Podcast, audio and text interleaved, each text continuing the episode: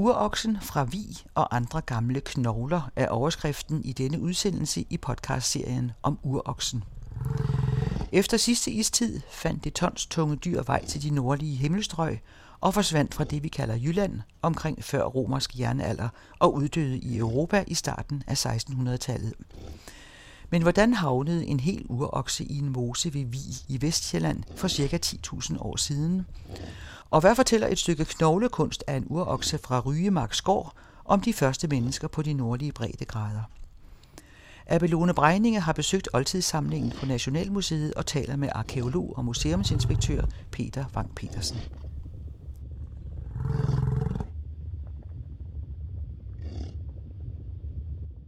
Hvor længe har du beskæftiget dig med urokser?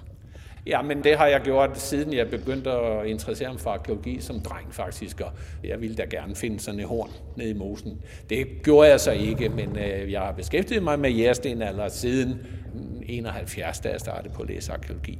Det bliver jo efterhånden over 40 år, tror jeg. Så det, der faktisk drev din karriere, det var ønsket om at finde et horn?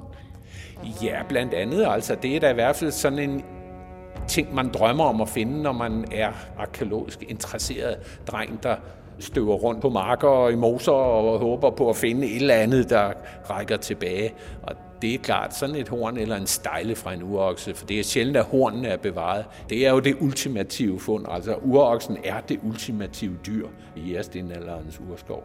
Det er der ingen tvivl om. Det er det dyr, som kampen for tilværelsen handler om.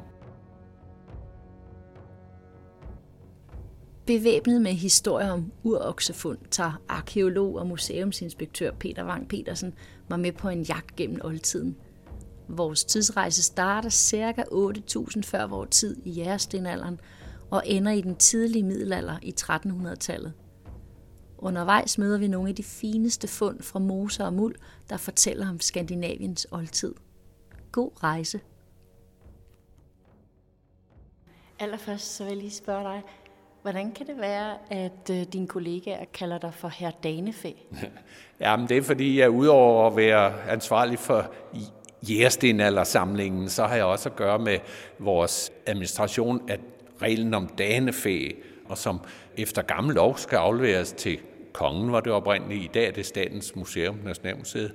Og iblandt de fund er der jo altså også fund fra jærestenalderen, for eksempel ravfigurer og genstande. Øh, vi har faktisk fået en uroksknogle for to år siden op fra Thy, som var oversået med indridsede mønstre. Vi har lavet en lille udboring af materialer og fået dateret den her uroksknogle, så vi kan sige, at den er fra tiden lige efter istidens slutning, cirka 8.000 før Kristi, så den er 10.000 år gammel. Og der har altså på det tidspunkt været folk i Jylland, der udtrykte sig kunstnerisk ved at overså den her uroksknogle med mønstre. Og det er sådan omkring det tidspunkt, uroksen i øvrigt kommer ind i landet. Det er her for 8-9.000 før Kristi, altså for øh, 10-11.000 år siden. Og det er først på det tidspunkt, at skovene bliver tjenlige for urokser. Og så bliver de et karakterdyr, kan vi sige, for den ældre del af vores jægerstenalder, for især den periode, vi kalder maglemose, tiden, og det er derfra, vi også har bopladser med masser af knoglerester fra urokser, som har været brugt til at lave fiskespyd af, og har været brugt til økser og til køller. Og enkle heldige fund har faktisk givet os hele uroksen i form af et individ som den her store tyr fra en mose op ved Vi i Odsherred, hvor øh, jægerne åbenbart har været på sporet af den her okse og har fået skudt nogle pile af mod den, men alligevel er det lykkedes den at slippe afsted og omkomme i et øh, vandhul, og i dag er det altså et af de flotteste fund, vi har på Nationalmuseet, og som virkelig viser den relation, der var mellem mennesker og dyr i jægerstenalderen.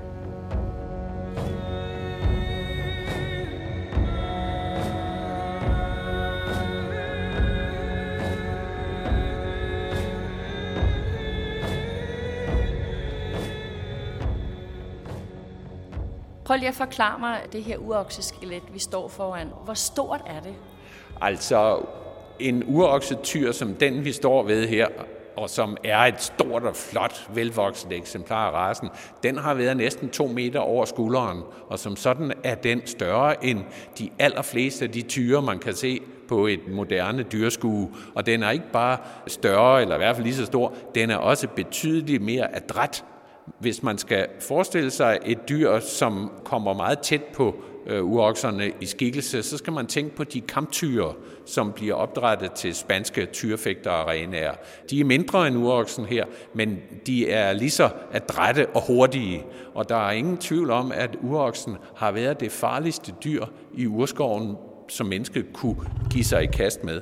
Den er jo simpelthen bare indstillet på at slås og forsvare sin flok, og øh, det har jægerne udmærket vidst, og en gang imellem kan man heller ikke lade være med at tænke, at der måske har været i virkeligheden en form for tyrefægtning, en kamp mellem mennesker og sådan et ikonisk dyr som uroksetyren her. De her små pilespidser, som er fundet sammen med den her urokse, ja. hvordan skyder man så kæmpestort et dyr med sådan nogle bitte, bitte små pile? Hvordan kan det lade sig gøre?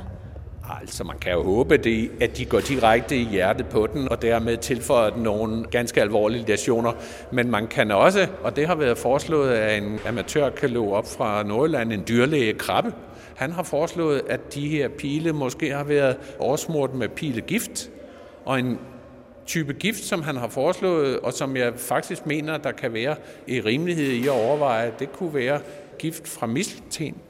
Det er sådan så, at bærene på mistelten de er omgivet med en særlig klæbrig masse, som hvis man får den i blodbanen, så er det altså virkelig alvorligt. Den er meget giftig. Fugle kan spise den uden problemer, men hvis man smører det på sin pile og skyder det ind i et levende dyr, så er det formodentlig den kraftigste form for gift, der har været til rådighed heroppe i Nordeuropa.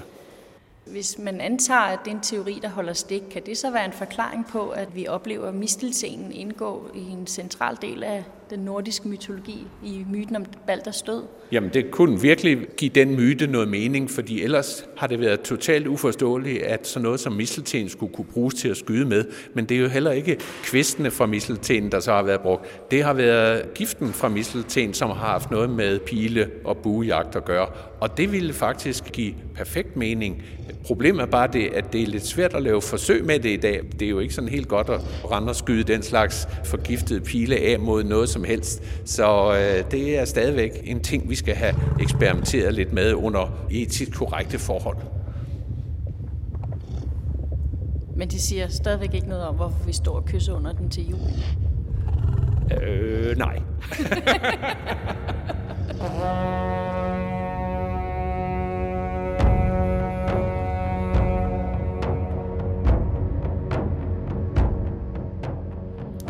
Nu står vi ved en ganske, ganske speciel knogle, Rymarksgård-knoglen.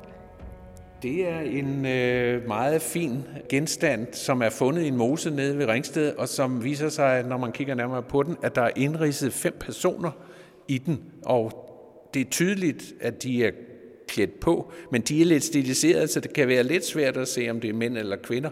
Jeg selv tror, at det er, fordi de er sådan ret brede over midten. Jeg tror, det er faktisk billeder af fem frugtsommelige kvinder, og som sådan udtryk for et ønske om frugtbarhed.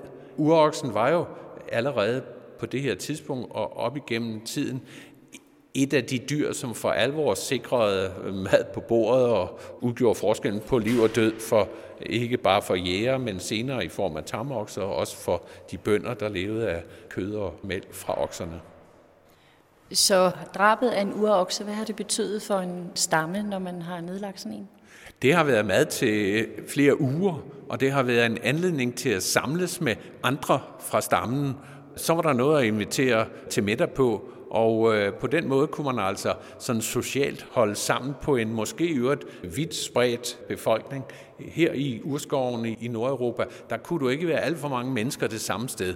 Du var nødt til at fordele dig ud over landskabet i små familiegrupper, det var nødvendigt for dem at samles nogle gange om året for ligesom at udveksle partnere til øh, voksne og giftefærdige øh, mænd og kvinder.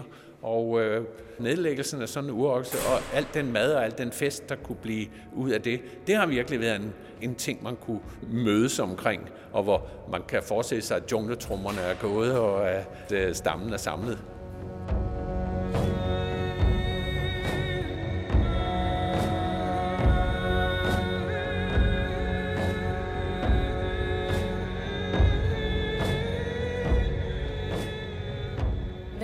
Her rum, vi står i? Det, det her rum her, det er så det tredje i jægerstenalderen. Det er det rum, hvor vi øh, viser øh, fund fra kysterne, og øh, de her øh, fund stammer fra ærtebøllekulturen, som er den sidste del af jægerstenalderen, på det tidspunkt var Danmark blevet et, øh, et ørige. Havet stod mindst lige så højt, som det gør i dag. Faktisk stod det højere i Nordjylland og i, i Nordsjælland, og der var varmt og godt fiskeri, og urokserne var faktisk udryddet på det tidspunkt, men man handlede sig stadigvæk til tænder fra urokser og fra elstyr, øh, som man fik formodentlig fra Jylland og hvis ikke det havde været for de mange jæger, så havde der altså været øh, perfekte forhold for urokser på det tidspunkt. Men øh, på Sjælland, der var der altså for hård jagt, så der øh, blev de totalt udryddet.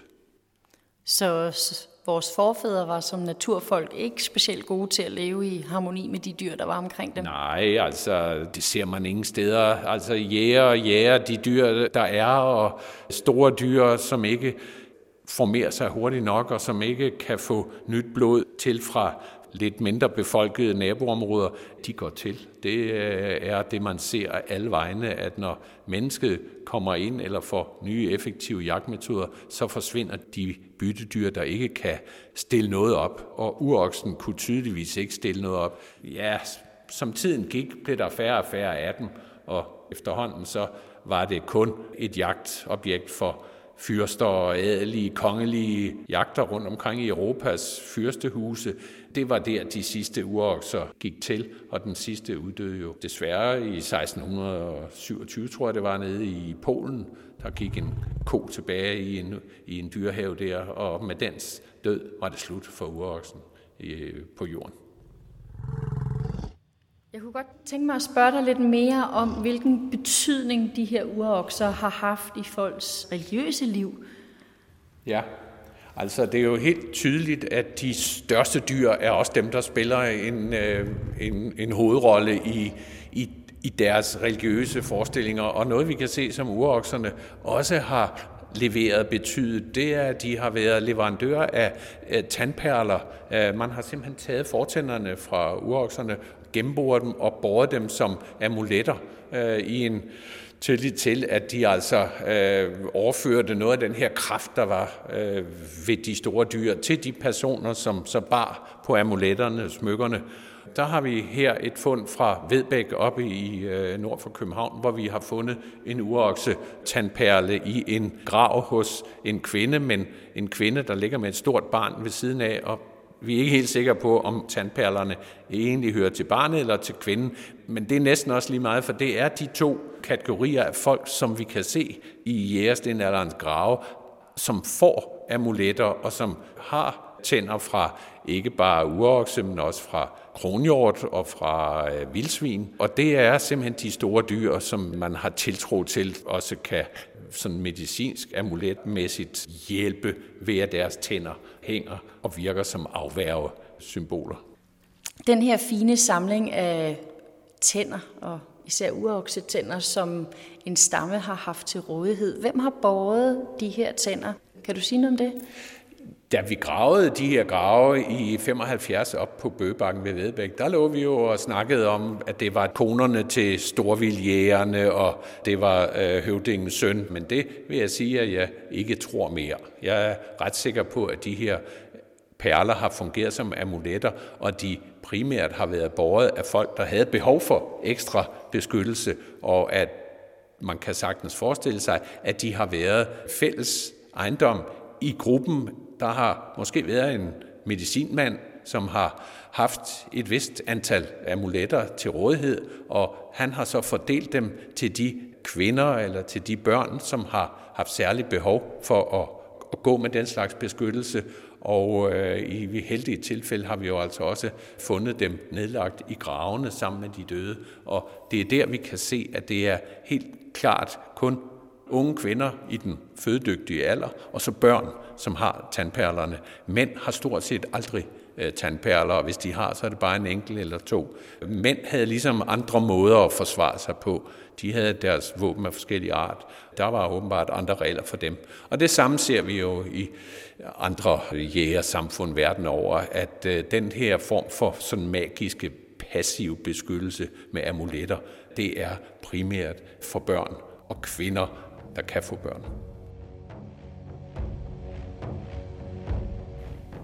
De sidste klenodier, som oldtidsarkeolog Peter Wang Petersen vil vise mig fra Nationalmuseets skattekiste, det er middelaldersamlingens drikkehorn. Og det fornemmeste blandt dem kaldes kongehornet og har tilhørt den norske kong Håkon den 6., der regerede i slutningen af 1300-tallet i middelaldersamlingen, hvor vi har den her øh, flotte række af drikkehorn fra middelalderen, som for en stor dels vedkommende faktisk er øh, uroksehorn, og som ved DNA-undersøgelser har vist sig vidderligt at være horn fra urokser, som øh, fyrster og konger har skænket til hinanden som særlig fine gaver i forbindelse med forskellige sådan, diplomatiske møder og den slags. Nu skal jeg lige finde ud af, hvor det er, de er. Jeg tror, de var Og det var heller ikke her. Vi har nemlig sådan et, et skab, hvor de står.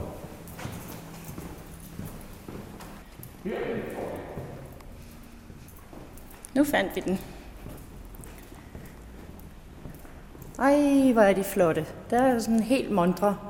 Og der kan du jo se tydeligt, hvordan at de helt tydeligt har været særlig fine og prestigefyldte, og hvordan man har besat dem med mundingsbeslag og indebeslag med alt muligt filigran og sølv og guld og, og, og våbenskjolde. Og den høvding eller fyrste, der går, konge, der kunne holde sådan et, et op og beskænke sin gæst, han var en stor mand.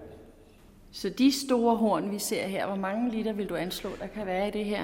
Åh, oh, ja, men må ikke. Der kan være en øh, 4 liter i sådan en, øh, 4-5 liter. Det har været noget, man sådan så som manddomsprøver. Det var at kunne tømme sådan et horn der, mere eller mindre i et drag. Og ja, med øl, så kunne det måske godt lade sig gøre, men jeg vil sige, med vin, så skulle man derhen og ligge bagefter i hvert fald.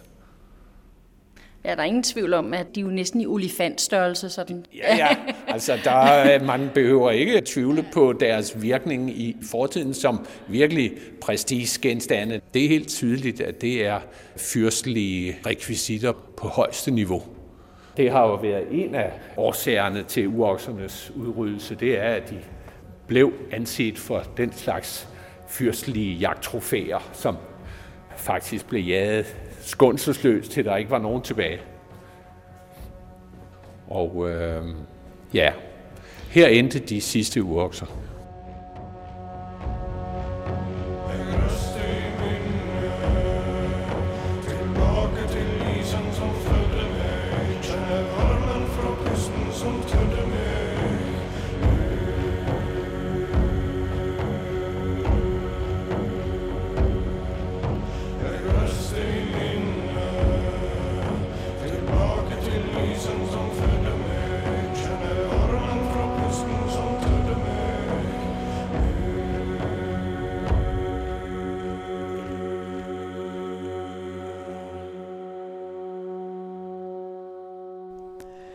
Hermed giver vi opfordringen videre til selv at drage på uroksejagt i Nationalmuseets oldtidssamling.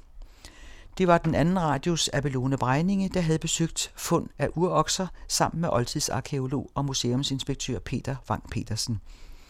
Musikken var fra det norske band Vardruna med nummeret Uruk, der betyder urokse. Du finder links og billeder på den anden radios hjemmeside.